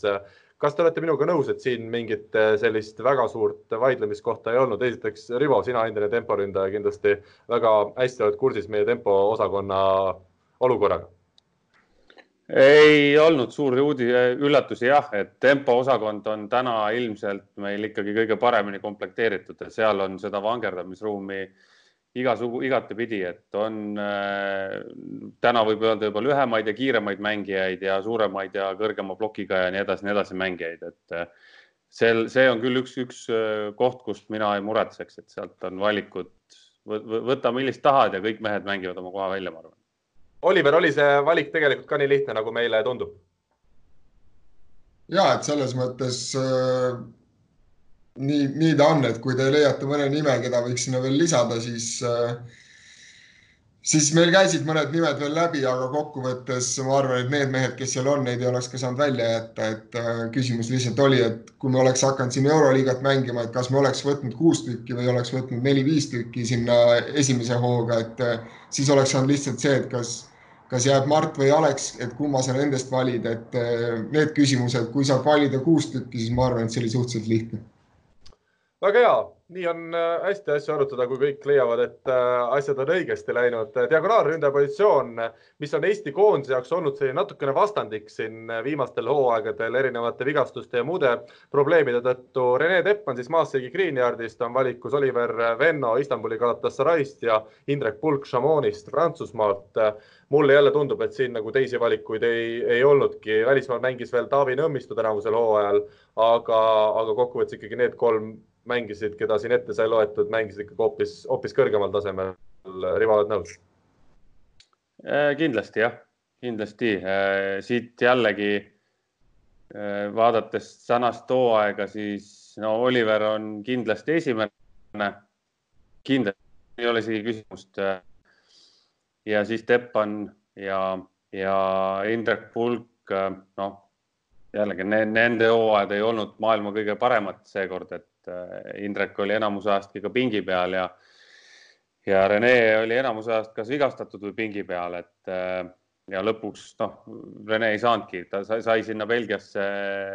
ilmselt heasse klubisse, aga lõpuni ta ei saanudki mängida hooaega, et et võib-olla, võib-olla oleks läinud see hooaeg tema jaoks ülesmäge, aga, aga täna ikkagi Oliver Venno on nendest kolmest kindlasti kõige tugevam. keda sinna juurde oleks võinud panna noh, ega ei oskagi kedagi siit lisada enam, kui päris aus olla. Eesti liigast ei, ei leia sellist meest ja ega, ega ei olegi jah. no Rivo tõmbas juba sae kõvasti käima, mulle see meeldib, natukene intriigi kulub asja hulka ära. Andres, kas sa oled nõus Rivo arvamusega, et täna ikkagi Oliver Venno on selgelt äh, tugevamas seisus kui Rene Teppel, mina ütleksin, et nad on ikkagi pigem võrdsed mängijad praeguses seisukorras ma pigem nõustuks Rivoga, et, et sellel on ka tagamaa selles, et, et Epponil on selgelt teinud, teinud see õlg häda ja terve ju eelmise, eelmise suve ta sellega võitles. hooaja algus jäi ka selle nahka ja ega ta praegult ju tegelikult mingis intervjuus ta nagu justkui mainis, et ta jätab vahele üldse suve, võib-olla ma lugesin kuskilt valesti või, või. ei lugenud valesti, aga seda me saame Oliveri käest kohe edasi uurida ka, jah aga Andres, ma kuulan sinu mõtte lõpuni esmalt. jah, ja et, et, äh, et noh, minu jaoks ongi see kõige nüüd suurem küsimärk, et äh, kuidas ma, ma tean, millise, millise töö iseloomuga on, on Rene ja millisega on Oliver, et, et selles mõttes äh, Rene pärast ma ei muretse, et ta on, ta on tohutu võitleja ja, ja, ja kui ta selle õla korda saab, siis ta on, on valmis ja, ja Äh, päris kõvasti pingutama, et see koht uuesti nagu tagasi võidelda, et, äh, et siis äh, vot sellepärast nagu otseselt ei muretseks, et, et kõige tähtsam, et oma õla saaks korda ja saaks nagu tõesti tervena koondist aidata, et noh, muidugi praegult on tal kõvasti selleks aega ka, et, et sellega õlaga tegeleda ja, ja koormused maha võtta korraks et aga, aga ongi ta jah, et Indrek Pulgast väga palju ei, ei, ei saanudki kuulda, sest väga palju ta mängida ei saanud ja, ja aga ma otseselt ei, ei karda ka seda, et ta oleks nüüd on ta tasemest nüüd nii palju all. et tema hoiab seda stabiilset taset, ma ei tea, kui palju tal on veel võimalik nagu edasi astuda, aga, aga eks see ole paista, et noh, kes väljas veel mängis, oli Põlluäär aga, aga juba siis noh, natukene madalamas astmes, et noh, temast ka ei tea midagi ja, ja koondise juures teda ei ole olnud kunagi, et, et ega, ega sellel seal ka, et noh, praegult on tõsine, tõsine arutelu, et kus noortest üldse sinna, sinna diagonaalile asendusi leida, et ega Oliveri vanus hakkab ka juba sinnamaani jõudma, kus väga pikalt teda tõenäoliselt seal koondise juures ei motiveeri olema, et, et, et siin on, siin on vaja materjali otsida ja, ja, ja nendele meestele mingi hetk lahendus või, või asendus leida väga hea, et sa mainisid ka Siim Põllu ära, ära loomulikult tema ju ka välismaal mängimas, aga siit Itaalia madalamates liigades. Oliver, tuleme sinu juurde. esiteks minu küsimus, mis on siis teise Oliveriga seotud, et ta ei ole ikkagi viimastel koondise suvedel juba mitmetel suutnud oma potentsiaali välja mängida ja, ja no ütleme, sellest potentsiaalist on olnud ikkagi tõele au andes päris kaugel. kas te olete ka omavahel juba treenerite seas mõelnud mingisuguse plaani välja, arutanud Oliveri endaga seda, et, et kuidas motiveerida teda ka ikkagi koondises mängima ja, ja treenima nii kõvasti, et, et ta oleks meile kasulik selles koondises? Äh, lühike ja aus vastus, et me ei ole Oliver Vennole mingit äh, spetsiaalset motivatsioonipaketti kokku pannud ja eks äh, ütleme, võib-olla see peatreeneri vahetus tuleb talle ka kasuks, et jälle uus inimene, kellega ta saab äh, nii-öelda, kelle nägemust ta saab äh, ellu viia ja, ja, ja nii edasi, et äh, eks siin ju me kõik teame, et eelmise peatreeneriga on natuke jooksid suusad lõpuks risti ja, ja tema mõttes, tema kui Eesti võrkpallile väga vajalik mängija, ma arvan, selles mõttes tuli see peatreeneri vahetus väga õigel ajal et kuidas need asjad hakkavad minema, et äh, täna on väga raske siin ennustada, et äh, ma ei oska selle koha pealt kommenteerida. aga selles suhtes vist Oliverile tuleb küll anda au, et ta on alati Eesti koondisse tulnud hea meelega, et tema ei ole olnud äh, küll kunagi mees, kes ütleks, et ta ei tahaks tulla või ei, ei näeks põhjust tulla. no ja, et teistpidi, kui me siin enne korra naljaga pooleks mainisime reklaami, enda reklaamimist, siis äh, kindlasti tal ei ole vaja enam enda reklaamimise jaoks tulla, et ta on Türgis nii palju tehtud mees, et äh, nii kaua ta jaksab, nii kaua talle makstakse seal korralikku palka ka, et äh, selles ei ole nagu, nagu küsimust, et pigem ongi tema, tema motiveeritus jah, lihtsalt rahvusmeeskonna esindamine ja, ja nii-öelda nii palju, kui ta suudab endast välja suvele anda, nii palju ta annab, et äh, me võime kõik siin selle Oliveri koha pealt on seda juttu alati nii palju olnud ja Eesti võrkpalli üldsus, kõik treenerid võivad ju tahta, ma ei tea, mis imet, et ta teeks, aga lõpuks on need tema otsused ja tema elu ja tema karjäär, et, äh, et äh, loodame, et ta on motiveeritud endiselt ja tuleb ja aitab nii palju, kui ta suudab. kas ma selle koha pealt veel ütlen, ütlen korra veel, et, et noortele, kes võib-olla veel siis koondise juures pole olnud või, või on, et see koondise suvi on puhtalt juba sellepärast, ma ühe korra vist mainisin naistekoondise teemadel ka, et kui küsisin Kristiine minult, et see, et, et koondise suvi kaasa teha, on tegelikult päris, päris mõnus või lihtne uuesti sula, sulanduda nagu klubi, et kui see, kui sa üritad üksinda või ise ennast terve suvi nagu vormis hoida, et see on midagi muud ja, ja tegelikult ma arvan, et need vanemad mängijad teavad seda väga hästi ja, ja sellega võib-olla hoiavadki ennast nagu hästi-hästi ligidal sellele koondisele, et, et hiljem, kas sa just reklaamid ennast uude klubisse, vaid see, et kui sa sinna klubisse lõpuks jõuad, et sa oled nagu sinna sisse sulanduda on palju lihtsam. ma küsin vahele, et kas väike, väike Lüütsepp hakkas vahepeal seal võrkpallitrenniga algust tegema köögis või kuidas teil need asjad käivad? ja ta tuli väljast, väljast treeningult tagasi kuidas me Rene Teppani olukorda näeme? Oliver, jälle küsimus eelkõige sinule, kuna tal see terviseprobleemid on olnud siin viimastel aastatel üsna tõsised, kas temaga on ka plaanis kuidagi teistmoodi vaadata just lähtuvalt sellest äh, õlast eelkõige praegu äh, või jääb tal üldse see suvi siis vahele või kuidas teil praegu asjad räägitud on? No me oleme praegu aprilli alguses ja tõenäoliselt me, nagu me enne rääkisime, me näeme üksteist äh, juuli lõpus, et äh, selle aja peale on nagu, võib väga palju muutuda, kindlasti Rene annab selle õlale piisavalt puhkust, piisavalt koormust äh, taastumiseks, et me oleme targemad siis, kui, kui see laagriaeg on käes, et täna on midagi raske öelda, et, et ma arvan, et tänane situatsioon oleks Rene pidanud hooaja Belgias lõpuni mängima, siis äh, nagu siin teemaks oli, et oleks see koondise suvi tal vahele jäänud, aga, aga tänases seisus ma loodan, et see paus tuli tema õlale ka väga õigel ajal ja, ja Ats on juba targem. just, et ei, ma tegelikult tahtsin sedagi küsida, et kui meil oli siin kellegiga jutuks ka, et kui Teppan jätakski vahele, et kes siis oleks olnud äh, treenerite arvates selline kolmas mees siis äh,, kui, kui Teppan ei oleks osalenud, et, et kas sellele oli mõeldud või, või pigem jällegi see, et oleks äh, saanud nurgaründajatest kedagi sinna, sinna diagonaali posi, positsioonile Andres, ma vastan ise, ma vahel tean rohkem kui isegi abitreenerid, et seal oleks tehtud nii, et Märt Tammearu oleks toodud sealt sideväepataljonist siis äh, diagonaali otse ja omaaegne Võru võistkonna nurgamees Oliver Lüütsepp oleks pandud siis äh, nurka mängima. on nii, Oliver? olid need plaanid sellised? Äh, ei no eks seal oli nagu variante ikkagi natuke paremaid kui see välja, välja. veel paremaid, veel paremaid. ikkagi on paremaid variante, et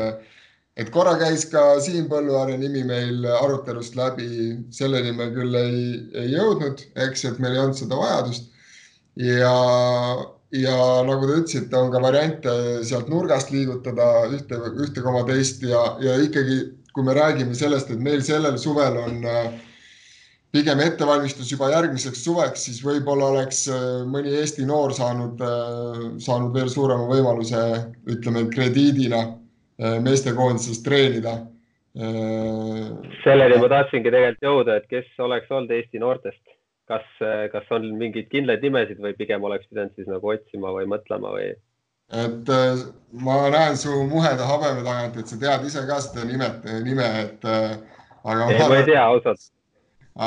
ja meil on tegelikult käinud üks nimi läbi, et et ma jätan selle täna siin välja ütlemata, aga,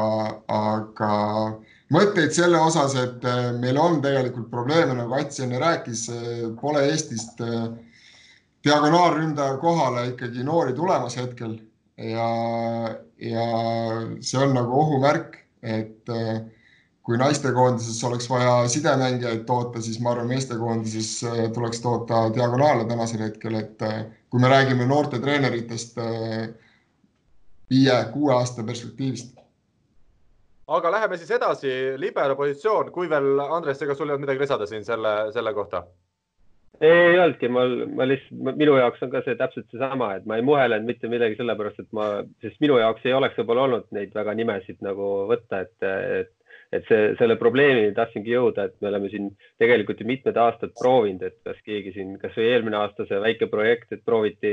Mihkel Varbrast äh,, prooviti diagonaali noh, suunata noh, et noh, et mingeid selliseid mõtteid on läbi käinud, aga, aga need ei ole tegelikult õnnestunud, et et, et see on kindlasti üks selline murekoht, milleni ma tegelikult tahtsingi jõuda kas Märt Tammeru ikkagi diagonaalis pigem ei, ei ole see tema positsioon tulevikku silmas pidades või? Mina arvan, et äh, mina arvan, et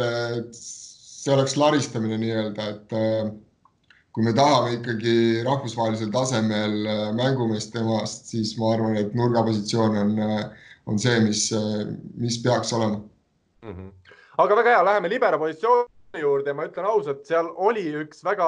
huvitav üllatus äh, meile vastu vaatamas. Silver Maar Pärnu võrkpalliklubist, ilmselt seda ei saa me üllatuseks pidada. Johan Vahter Saaremaa võrkpalliklubist samuti tundus pigem loogiline valik, aga Rait Rikberg on siis karjääri lõpetanud koondise osas. vähemalt nii ta eelmisel aastal pärast EM-i ütles, teda siis valikus ei ole. küll aga siin Postimehele ühel, ühes intervjuus hiljuti ütles, et EM-iks võib-olla ikkagi tuleb tagasi, kui, kui treener tahab ja vaja on, aga kolmas mees siis, kes on nüüd koondise nimekirjas, on Sten Vaht Vahtras, Tallinna Selveri mängumees, aastaid mänginud juba Selveris, aga tänavusel hooajal siis jäi seitsmeteistaastase Rauno Haidla selja taha, ütleme enamikes mängudes. ole hea, Oliver, natukene põhjenda seda Sten Vahtrase valimist võib-olla. Äh, taaskord jälle ütleme nii, et äh, treenerite otsus, et äh, kui osad treenerid võib-olla eelistaks mõnesid teisi mängijaid, siis meie otsus oli Sten Vahtras, et nii lihtne see ongi, et et äh, mina arvan, et tänasel hetkel tema on juba mitu aastat nii-öelda Selveris äh, mänginud, ka mänginud, treeninud äh, kogemusi ikkagi rohkem kui Rauno Haidlal näiteks, et Rauno oleks saanud selle liiga suure krediidina, et ma arvan, et tal on vaja veel tööd teha ja vaeva näha ja trenni teha ja, ja siis tekivad ka tal sellised võimalused, et äh, ma arvan, et siin on nii mõnigi teine no libero natukene kuidas ma ütlen, vaatab võib-olla viltu, et miks tema pole seal listis ja on Sten Vahtras, aga see on treenerite otsus lihtsalt nii, nii lihtne see ongi natukene selle tagamaad ka, et tegelikult olin, olin ise ka noh, selles mõttes äh, Rick Bergiga niimoodi arutelus, et noh, nad, nad tahtsid kaasata ühte nagu vähe nooremat onju ka. ja, ja tegelikult, kui sa ütlesid, et Rauno Aidla, jah, ta oli selles mõttes hooaja alguses kindlasti nagu rohkem mängis. ja, ja see tuli ka puhtalt sellest, et Sten Vahtras oli veel väga pikalt, ta vist oli veel kuni novembrini oli, oli tegelikult kaitseväes või oli detsembrini äkki või? ma ei mäleta ka täpselt, aga jah, aga, aga see oli puhtalt sellest, et ta ei osalenudki peaaegu üldse trennides, ta käis väga-väga harva ja aga pärast, pärast kaitseväge, kui ta sai nagu kaks korda päevas trenni hakata tegema, oli mees tunduvalt enesekindlam kui eelmine aasta, sai tegelikult väga kiiresti enda sellise stabiilsuse kätte ja, ja tegelikult käisime, käisime läbi ka, ka, ka mõned sellised statistika pooled ja, ja tegelikult see pärast siis seda sõjaväge need statistilised numbrid ja, ja see kindlus oli tegelikult nagu väga-väga selgelt avaldunud just võrdluses Raunoga. ja tegelikult ju Sten ju mängis viimased mängud nagu kõik üksinda, et, et Rauno oli meil ju tegelikult hoopis nurgaründaja positsioonis päris mitmed, mitmed korrad, et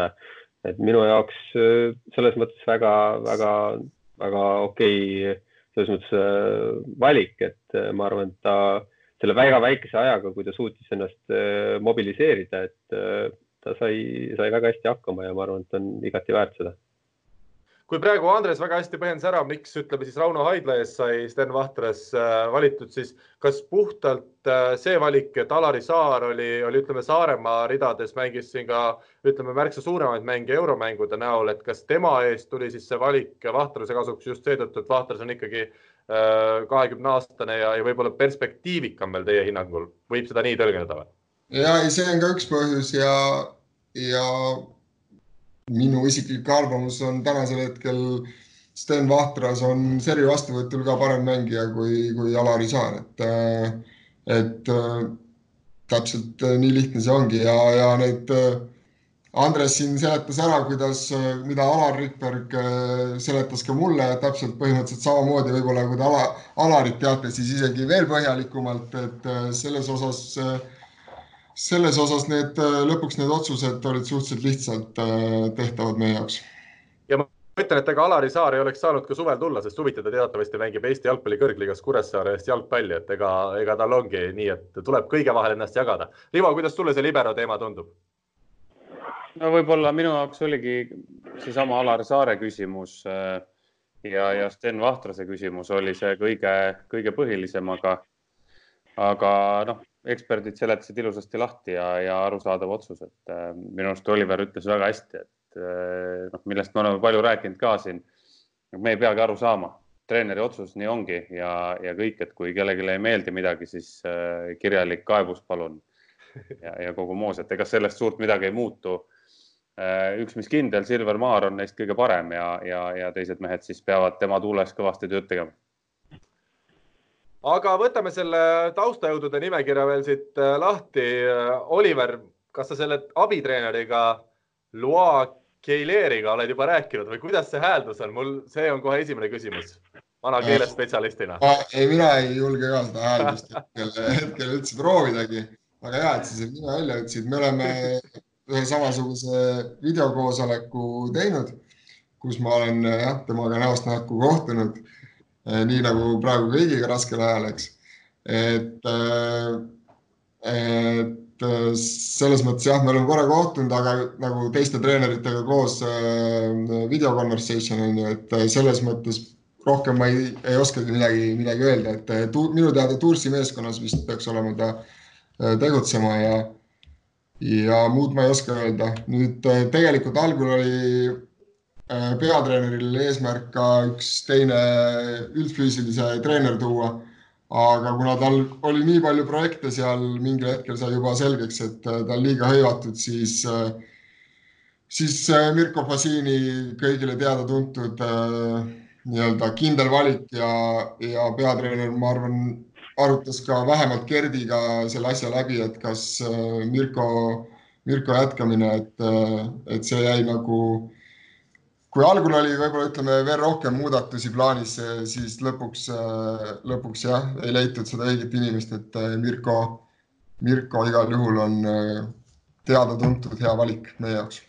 kas Mirkot te nimetate koondise ringis juba nagu oma meheks või ta on ikkagi välismaalane? Äh, ma arvan, et siin peab Atsi käest rohkem küsima, et äh, ta on seal äh, rohkem koos olnud, et et nii palju, kui mina olen Mirkoga kokku puutunud, siis temaga on alati väga lihtne ja tore suhelda. ja et Mirko kohta täna praegult on ta ka mulle just kusjuures kirjutanud, aga, aga ta on tõesti niisugune ärakodustatud itaallane siin, et tema nagu see armastus Eesti vastu on niisugune ülevoolav ja, ja tõesti nagu tore, et, et sai, sai tegelikult temaga räägitud, kui, kui see protsess oli siin pooleli, et, et kas ta tuleb või ta ei tule, siis, siis tema see nii-öelda mõte oli, et, et kui teda isegi, isegi ei võeta treeneriks, siis pool suve ta tahaks ikkagi Eestis olla, et, et, et need, need inimesed ja noh, ta, ta on selles mõttes tõesti eriline, et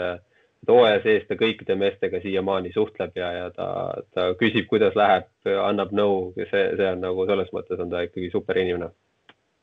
ja tuletame siis jälle kuulajatele meelde, et tegelikult oli ka ju klubihooajal seotud Saaremaa võrkpalliklubiga, olgugi et ametlik töökoht oli lõpuks siis Keemiarova Kuspas, aga aga oli ka saarlastega kogu aeg ühenduses ja, ja andis neile kavasid ja vaatas, kuidas meestel füüsisega läheb. Alar Rikberg jätkab siis statistikuna. Oliver, küsimus sulle Alar nüüd siin äh, Tartu Bigbankil on üha lähemal liik, lähemale liikunud see statistiku otsa pealt sinna peatreeneri tooli juurde, et kas, kas praegu koondises ta võtab ikkagi jälle selle statistiku koha sisse ja, ja on seal otsa peal? nagu ma enne ütlesin, siis äh, Bernardil on nagu idee, et äh, hästi palju tiim äh,, staff nii-öelda töötab äh, hästi palju koos ja esimese jutu põhjal ta nagu kaasab ka statistikud ikkagi treeningtöösse. et äh, ma arvan, ka see on üks nii-öelda Alarile väga sobilik, et äh, ta on juba siin andnud mitu korda mõista, et äh, et ta ei viitsi ainult klahve klõbistada, et tahaks natuke rohkem ja suuremas osas protsessis sees olla ja ja hetke jutu järgi peatreener talle seda nagu lubas, et, et ta saab olla ka rohkem äh, rohkem pallitreeningutesse kaasatud, äh, mitte ainult nii-öelda puhtalt numbritega tööd tehes. aga eelmisel aastal teil oli ikkagi juba Märt Pajusalu, kes tegi statistikat seal otsa peal, kas tänavu siis äh, Alar? Karl, ma olen esimest korda Eesti meestekoondises, et äh, meil ei olnud, neil oli see. jah, neil oli, neil oli, väga õige, väga hea parandus. Andres, teil oli siis, ütleme siis sedasi, Märt Pajusalu. mina ka, mina ka otseselt ei olnud olin alguses mõnes laagris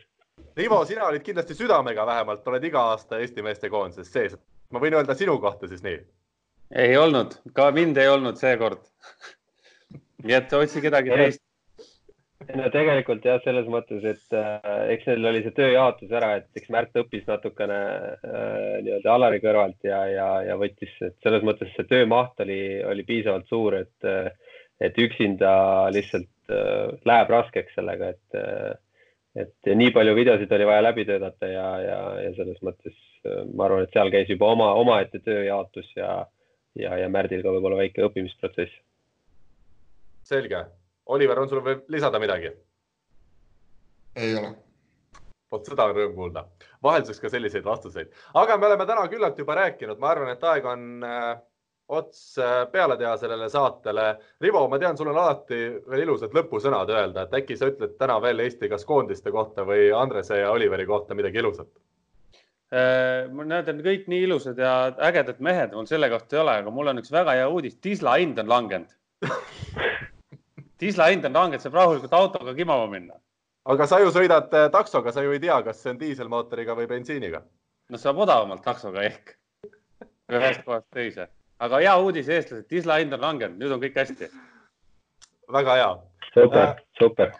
Andres, Oliver, Rivo, aitäh teile täna ühinemast. ma usun, et äh, võrkpallisõbrad äh, oskavad hinnata seda panust, mis te ka avalikkusega jagate, et neid valikuid natukene selgemaks tegite ja, ja rääkisite ka taustadest. loodame siis südamest, et Eesti koondised saavad ikkagi sel suvel veel kogu koguneda kasvõi mingil määral, et juba järgmisel aastal oleks siis kergem ja, et ikkagi naised saaksid veel sel aastal ka EM-valikmängud ära pidada. aitäh teile kõigile, kuulajatele ütleme samuti aitäh ja kohtumiseni siis uuesti juba jälle nädala pärast. Eesti kõige põnevamad podcastid on Delfis, kuula tasku.delfi.ee